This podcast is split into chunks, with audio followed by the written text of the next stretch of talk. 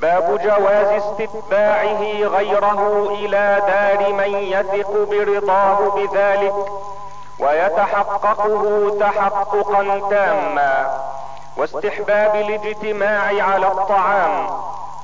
حديث جابر بن عبد الله رضي الله عنهما قال لما حفر الخندق رأيت بالنبي صلى الله عليه وسلم خمصا شديدا فانكفأت إلى امرأتي فقلت هل عندك شيء؟ فإني رأيت برسول الله صلى الله عليه وسلم خمصا شديدا فأخرجت إلي جرابا فيه صاع من شعير ولنا بهيمة داجن فذبحتها وطحنت الشعير ففرغت إلى فراغي وقطعتها في برمتها ثم وليت إلى رسول الله صلى الله عليه وسلم فقالت لا تفضحني برسول الله صلى الله عليه وسلم وبمن معه. فجئته فساررته فقلت يا رسول الله ذبحنا بهيمة لنا وطحنا صاعا من شعير كان عندنا. فتعال أنت ونفر معك. فصاح النبي صلى الله عليه وسلم فقال يا أهل الخندق إن جابرا قد صنع سورا. فحي هلا بكم فقال رسول الله صلى الله عليه وسلم لا تنزلن برمتكم ولا تخبزن عجينكم حتى أجيء. فجئت وجاء رسول الله صلى الله عليه وسلم يقدم الناس. حتى جئت امرأتي فقالت بك وبك. فقلت قد فعلت الذي قلت. فأخرجت له عجينا فبصق فيه وبارك ثم عمد إلى برمتنا فبصق وبارك ثم قال ادع خابزة فلتخبز معي واقدحي من برمتكم ولا تنزلوها وهم ألف فأقسم بالله لقد أكلوا حتى تركوه وانحرفوا. وإن برمتنا لتغط كما هي. وإن عجيننا ليخبز كما هو. وعن أنس بن مالك رضي الله عنه قال قال أبو طلحة لأم سليم لقد سمعت صوت رسول الله صلى الله عليه وسلم ضعيفا. أعرف فيه الجوع فهل عندك من شيء؟ قالت نعم. فأخرجت اقراصا من شعير ثم أخرجت خمارا لها فلفت الخبز ببعضه ثم دسته تحت يدي ولاثتني ببعضه. ثم أرسلتني إلى رسول الله صلى الله عليه وسلم. قال فذهبت به فوجدت رسول الله صلى الله عليه وسلم في المسجد ومعه الناس فقمت عليهم. فقال لي رسول الله صلى الله عليه وسلم أرسلك أبو طلحة؟ فقلت نعم. قال بطعام؟ فقلت نعم. فقال رسول الله صلى الله عليه وسلم لمن معه قوموا.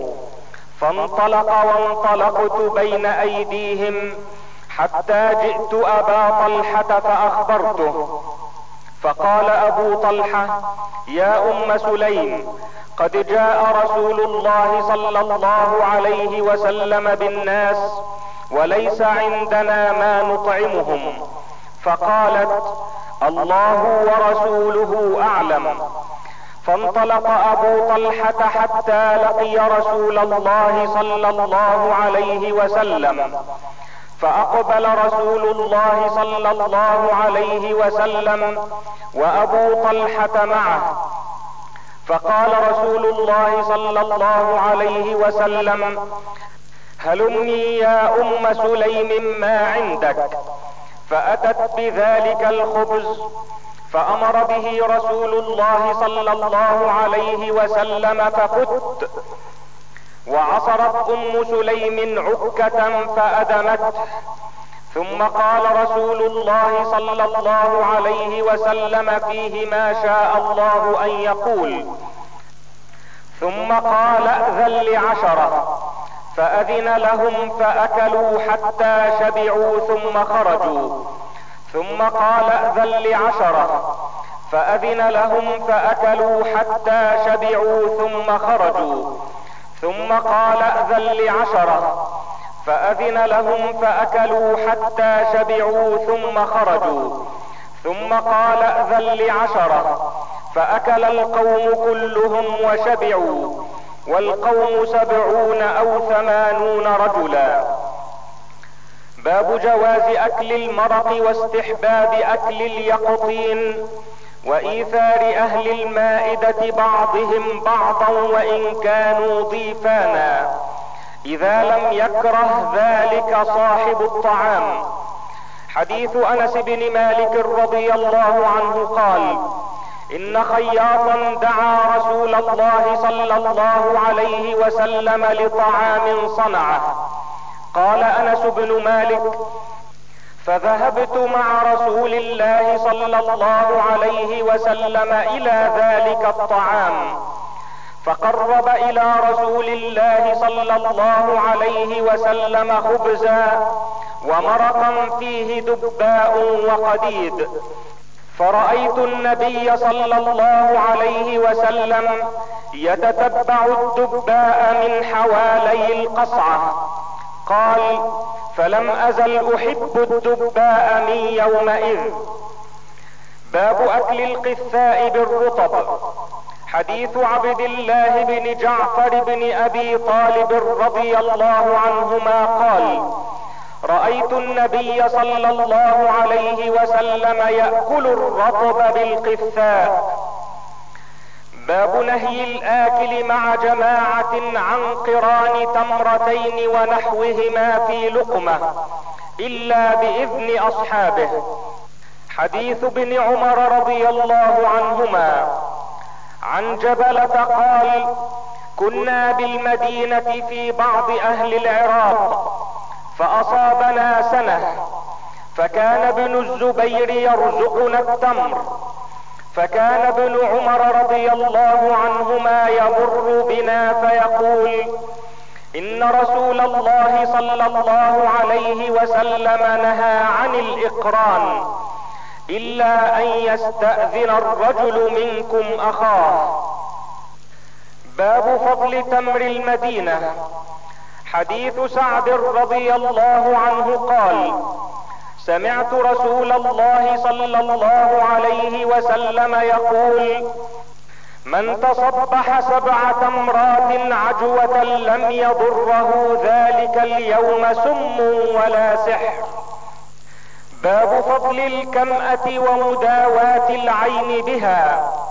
حديث سعيد بن زيد رضي الله عنه قال قال رسول الله صلى الله عليه وسلم الكمأة من المن وماؤها شفاء للعين. باب فضيلة الأسود من الكباث. حديث جابر بن عبد الله رضي الله عنهما قال كنا مع رسول الله صلى الله عليه وسلم نجني الكباث. وإن رسول الله صلى الله عليه وسلم قال عليكم بالأسود منه فإنه اطيبه قالوا أكنت ترعى الغنم؟ قال وهل من نبي إلا وقد رعاها؟ باب إكرام الضيف وفضل إيثاره. حديث أبي هريرة رضي الله عنه أن رجلا أتى النبي صلى الله عليه وسلم فبعث إلى نسائه فقلن ما معنا إلا الماء. فقال رسول الله صلى الله عليه وسلم من يضم أو يضيف هذا؟ فقال رجل من الأنصار أنا. فانطلق به إلى امرأته فقال أكرمي ضيف رسول الله صلى الله عليه وسلم. فقالت ما عندنا إلا قوت صبياني. فقال هيئي طعامك وأصبحي سراجك ونومي صبيانك إذا أرادوا عشاء.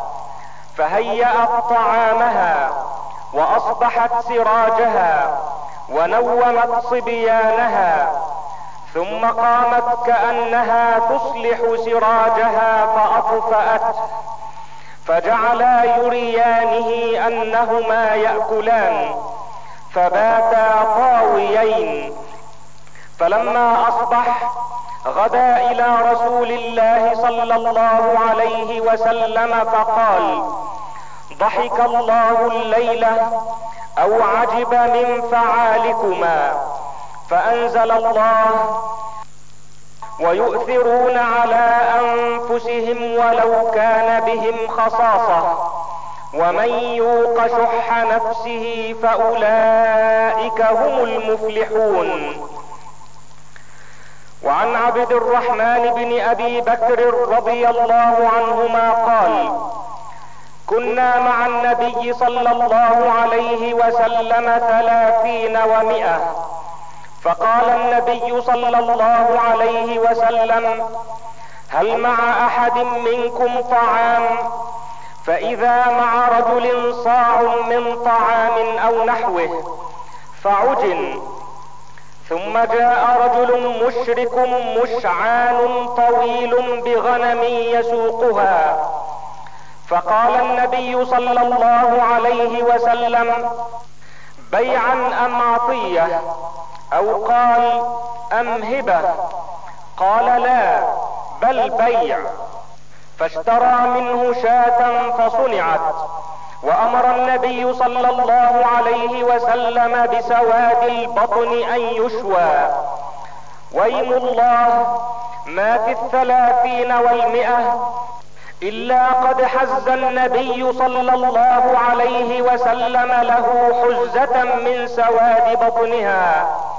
إن كان شاهدا أعطاها إياه وإن كان غائبا خبأ له فجعل منها قصعتين فأكلوا أجمعون وشبعنا ففضلت القصعتان فحملناه على البعير أو كما قال. وعن عبد الرحمن بن أبي بكر رضي الله عنهما أن أصحاب الصفة كانوا اناسا فقراء وأن النبي صلى الله عليه وسلم قال من كان عنده طعام اثنين فليذهب بثالث وإن أربع فخامس أو سادس وأن أبا بكر جاء بثلاثة فانطلق النبي صلى الله عليه وسلم بعشرة قال فهو أنا وأبي وأمي وامرأتي وخادم بيننا وبين بيت أبي بكر. وإن أبا بكر تعشى عند النبي صلى الله عليه وسلم ثم لبث حيث صليت العشاء ثم رجع فلبث حتى تعشى النبي صلى الله عليه وسلم. فجاء بعدما مضى من الليل ما شاء الله. قالت له امرأته وما حبسك عن أضيافك أو قالت ضيفك قال أوما عشيتيهم؟ قالت أبوا حتى تجيء قد عرضوا فأبوا. قال فذهبت أنا فاختبأت. فقال يا غنثر فجدع وسب وقال كلوا لا هنيئا. فقال والله لا أطعمه أبدا. ويم الله ما كنا نأخذ من لقمة إلا ربى من أسفلها أكثر منها. قال يعني حتى شبعوا. وصارت أكثر مما كانت قبل ذلك. فنظر إليها أبو بكر فإذا هي كما هي أو أكثر منها فقال لامرأته يا أخت بني فراس ما هذا؟ قالت لا وقرة عيني لهي الآن أكثر منها قبل ذلك بثلاث مرات. فأكل منها أبو بكر وقال إنما كان ذلك من الشيطان يعني يمينه ثم أكل منها لقمة ثم حملها إلى النبي صلى الله عليه وسلم فأصبحت عنده. وكان بيننا وبين قوم عقد فمضى الأجل. ففرقنا اثنا عشر رجلا مع كل رجل منهم أناس. الله أعلم كم مع كل رجل فأكلوا منها أجمعون. أو كما قال باب فضيلة المواساة في الطعام القليل وأن طعام الاثنين يكفي الثلاثة ونحو ذلك. حديث أبي هريرة رضي الله عنه أنه قال قال رسول الله صلى الله عليه وسلم طعام الاثنين كافي الثلاثة وطعام الثلاثة كافي الأربعة. باب المؤمن يأكل في معي واحد والكافر يأكل في سبعة أمعاء. حديث ابن عمر رضي الله عنهما قال قال رسول الله صلى الله عليه وسلم إن المؤمن يأكل في معي واحد وإن الكافر أو المنافق يأكل في سبعة أمعاء. وعن أبي هريرة رضي الله عنه أن رجلا كان يأكل اكلا كثيرا. فأسلم. فكان يأكل أكلا قليلا. فذكر ذلك للنبي صلى الله عليه وسلم فقال إن المؤمن يأكل في معي واحد والكافر يأكل في سبعة أمعاء. باب لا يعيب الطعام.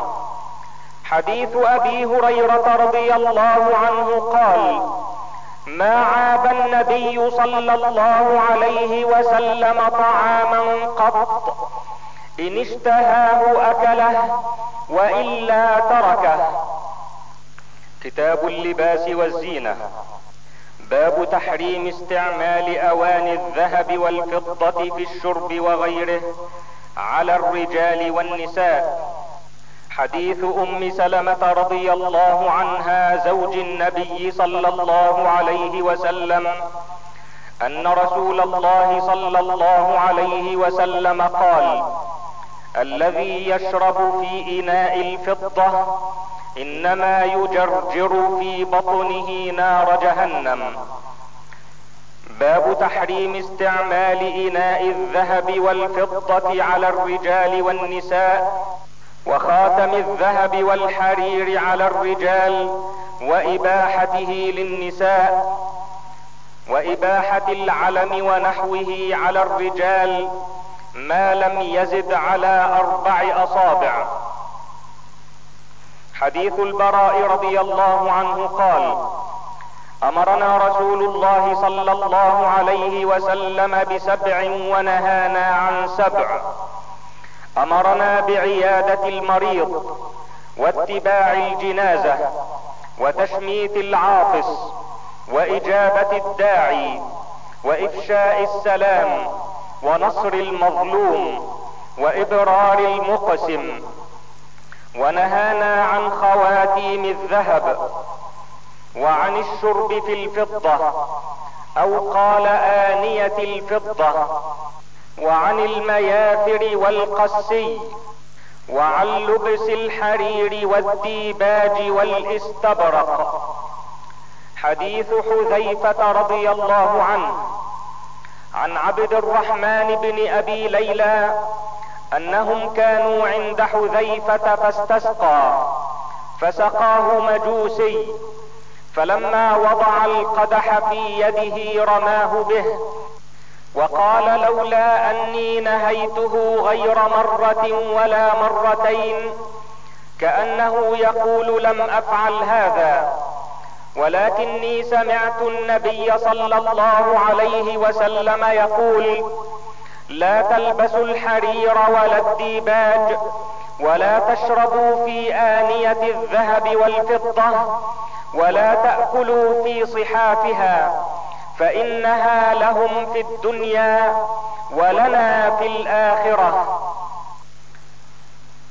وعن عبد الله بن عمر رضي الله عنهما أن عمر بن الخطاب رأى حلة سيراء عند باب المسجد فقال يا رسول الله لو اشتريت هذه فلبستها يوم الجمعة وللوفد إذا قدموا عليك فقال رسول الله صلى الله عليه وسلم إنما يلبس هذه من لا خلاق له في الآخرة. ثم جاءت رسول الله صلى الله عليه وسلم منها حلل فأعطى عمر بن الخطاب رضي الله عنه منها حلة. فقال عمر يا رسول الله كسوتنيها وقد قلت في حلة عطارد ما قلت. قال رسول الله صلى الله عليه وسلم إني لم اكسكها لتلبسها. فكساها عمر بن الخطاب رضي الله عنه اخا له بمكة مشركا. حديث عمر رضي الله عنه عن أبي عثمان النهدي قال أتانا كتاب عمر مع عتبة بن فرقد باذربيجان أن رسول الله صلى الله عليه وسلم نهى عن الحرير إلا هكذا وأشار بأصبعيه اللتين تليان الإبهام. قال فيما علمنا أنه يعني الأعلام وعن علي رضي الله عنه قال أهدى إلي النبي صلى الله عليه وسلم حلة سيراء فلبستها فرأيت الغضب في وجهه فشققتها بين نسائي. وعن أنس بن مالك رضي الله عنه عن النبي صلى الله عليه وسلم قال من لبس الحرير في الدنيا فلن يلبسه في الآخرة.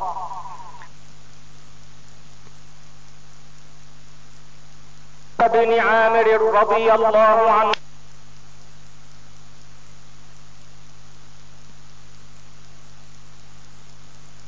وعن عقبة بن عامر رضي الله عنه قال أهدي إلى النبي صلى الله عليه وسلم فروج حرير فلبسه فصلى فيه ثم انصرف فنزعه نزعا شديدا كالكاره له وقال لا ينبغي هذا للمتقين باب إباحة لبس الحرير للرجل إذا كان به حكة أو نحوها.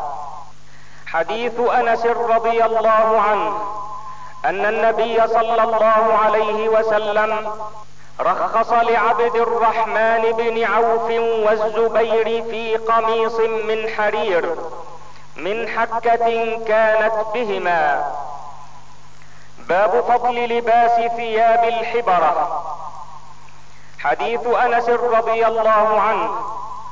عن قتادة قال قلت له أي الثياب كان أحب إلى النبي صلى الله عليه وسلم؟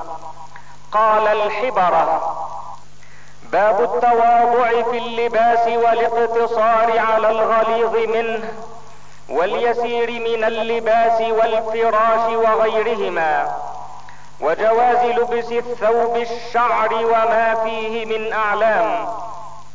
حديث عائشة رضي الله عنها. عن أبي بردة قال أخرجت إلينا عائشة كساء وإزارا غليظا فقالت قبض روح النبي صلى الله عليه وسلم في هذين. باب جواز اتخاذ الأنماط. حديث جابر رضي الله عنه قال قال النبي صلى الله عليه وسلم هل لكم من أنماط؟ قلت وانى يكون لنا الأنماط. قال أما إنه سيكون لكم الأنماط؟ فأنا أقول لها يعني امرأته أخري عني أنماطك. فتقول ألم يقل النبي صلى الله عليه وسلم إنها ستكون لكم الأنماط فأدعها. باب تحريم جر الثوب خيلاء وبيان حد ما يجوز إرخاؤه إليه وما يستحب. حديث ابن عمر رضي الله عنهما أن رسول الله صلى الله عليه وسلم قال لا ينظر الله إلى من جر ثوبه خيلاء. وعن أبي هريرة رضي الله عنه أن رسول الله صلى الله عليه وسلم قال لا ينظر الله يوم القيامة إلى من جر إزاره بطرا. باب تحريم التبختر في المشي مع إعجابه بثيابه. حديث أبي هريرة رضي الله عنه قال قال أبو القاسم صلى الله عليه وسلم بينما رجل يمشي في حلة تعجبه نفسه مرجل جمته إذ خسف الله به فهو يتجلجل إلى يوم القيامة. باب في طرح خاتم الذهب.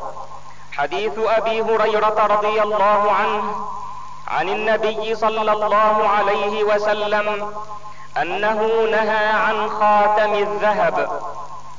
وعن ابن عمر رضي الله عنهما أن رسول الله صلى الله عليه وسلم اصطنع خاتما من ذهب وكان يلبسه فيجعل فصه في باطن كفه فصنع الناس ثم إنه جلس على المنبر فنزعه فقال إني كنت ألبس هذا الخاتم وأجعل فصه من داخل فرمى به. ثم قال والله لا ألبسه أبدا فنبذ الناس خواتيمهم. باب لبس النبي صلى الله عليه وسلم خاتما من ورق. نقشه محمد رسول الله ولبس الخلفاء له من بعده. حديث ابن عمر رضي الله عنهما قال اتخذ رسول الله صلى الله عليه وسلم خاتما من ورق وكان في يده ثم كان بعد في يد أبي بكر ثم كان بعد في يد عمر ثم كان بعد في يد عثمان حتى وقع بعد في بئر أريس. نقشه محمد رسول الله. وعن أنس رضي الله عنه قال صنع النبي صلى الله عليه وسلم خاتما. قال إن اتخذنا خاتما ونقشنا فيه نقشا فلا ينقش عليه أحد. قال فإني لأرى بريقه في خنصره. باب في اتخاذ النبي صلى الله عليه وسلم خاتما لما أراد أن يكتب إلى العجم.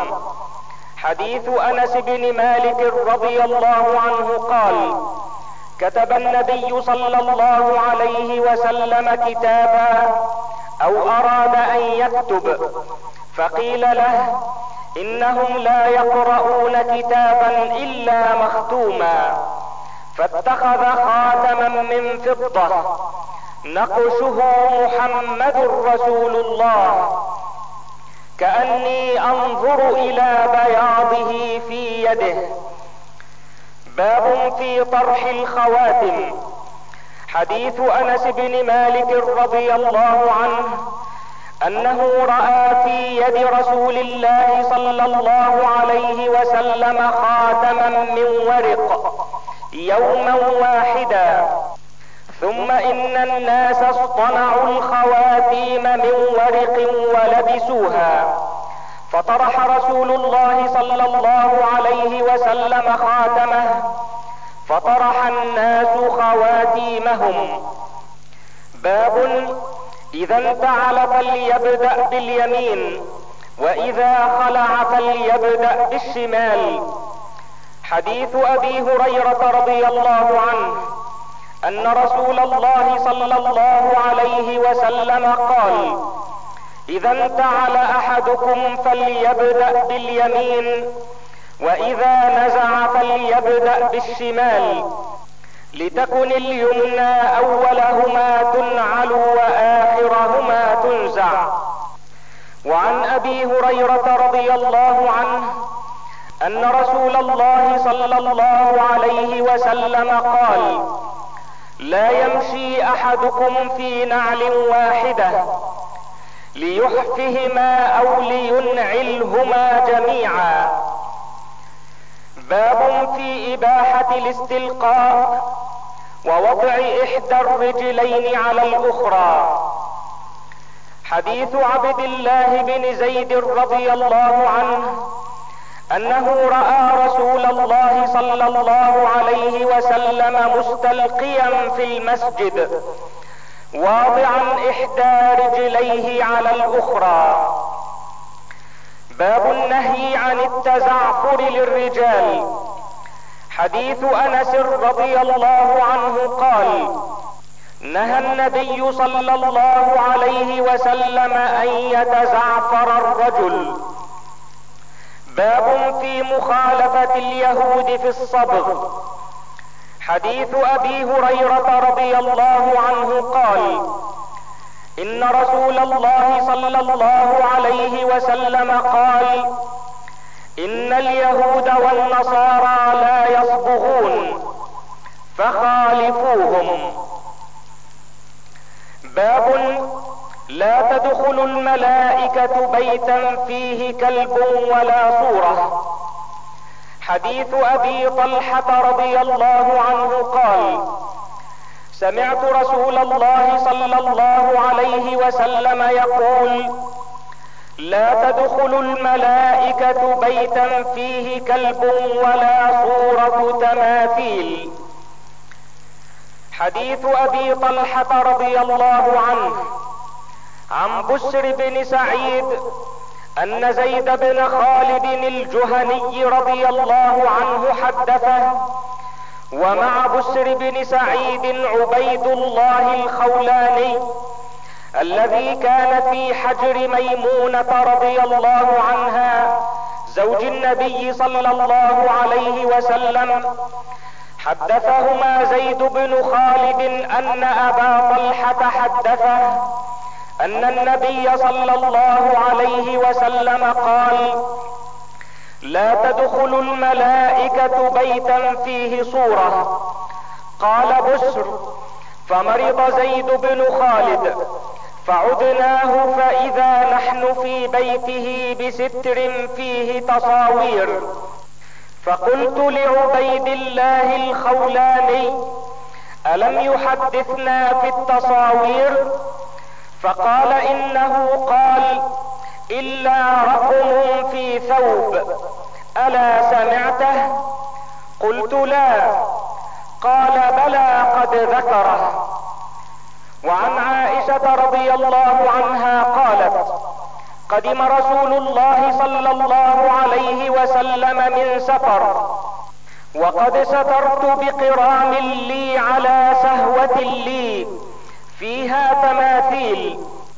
فلما رآه رسول الله صلى الله عليه وسلم هتكه وقال أشد الناس عذابا يوم القيامة الذين يضاهون بخلق الله.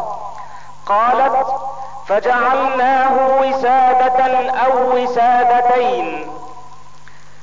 وعن عائشة أم المؤمنين رضي الله عنها أنها اشترت نمرقة فيها تصاوير فلما رآها رسول الله صلى الله عليه وسلم قام على الباب فلم يدخله فعرفت في وجهه الكراهية فقلت يا رسول الله أتوب إلى الله وإلى رسوله صلى الله عليه وسلم. ماذا اذنبت فقال رسول الله صلى الله عليه وسلم ما بال هذه النمرقة؟ قلت اشتريتها لك لتقعد عليها وتوسدها. فقال رسول الله صلى الله عليه وسلم إن أصحاب هذه الصور يوم القيامة يعذبون. فيقال لهم أحيوا ما خلقتم. وقال إن البيت الذي فيه الصور لا تدخله الملائكة. وعن عبد الله بن عمر رضي الله عنهما أن رسول الله صلى الله عليه وسلم قال إن الذين يصنعون هذه الصور يعذبون يوم القيامة. يقال لهم أحيوا ما خلقتم. وعن عبد الله بن مسعود رضي الله عنه قال سمعت النبي صلى الله عليه وسلم يقول إن أشد الناس عذابا عند الله يوم القيامة المصورون. حديث ابن عباس رضي الله عنهما.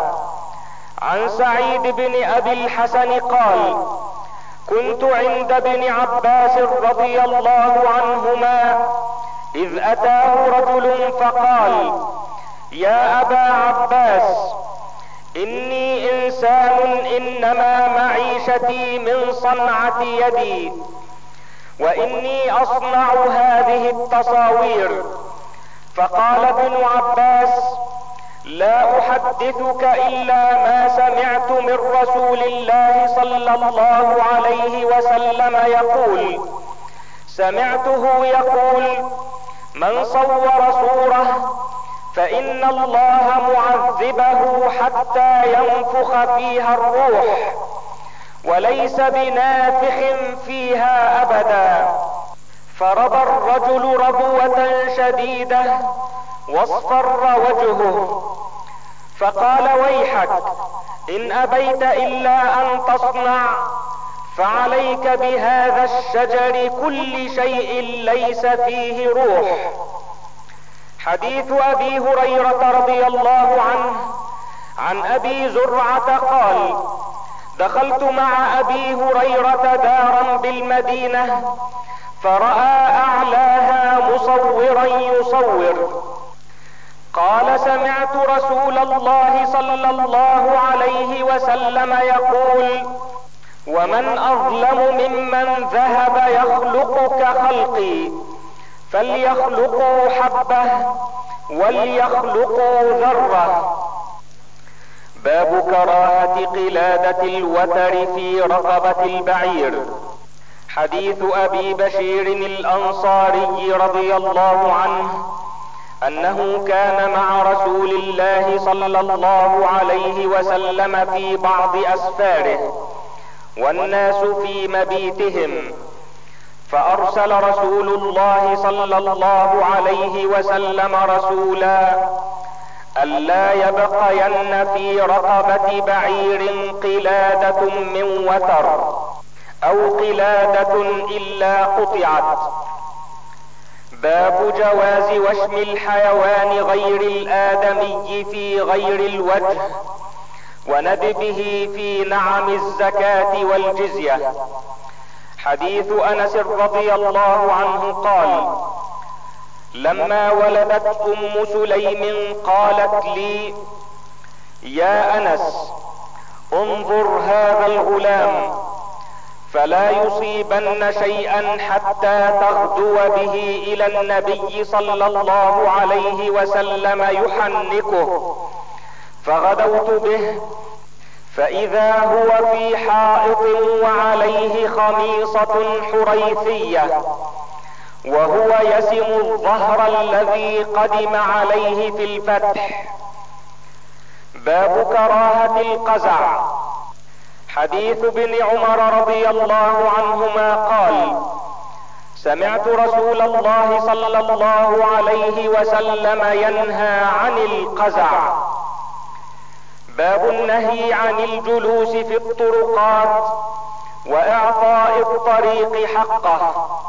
حديث أبي سعيد الخدري رضي الله عنه عن النبي صلى الله عليه وسلم قال إياكم والجلوس على الطرقات.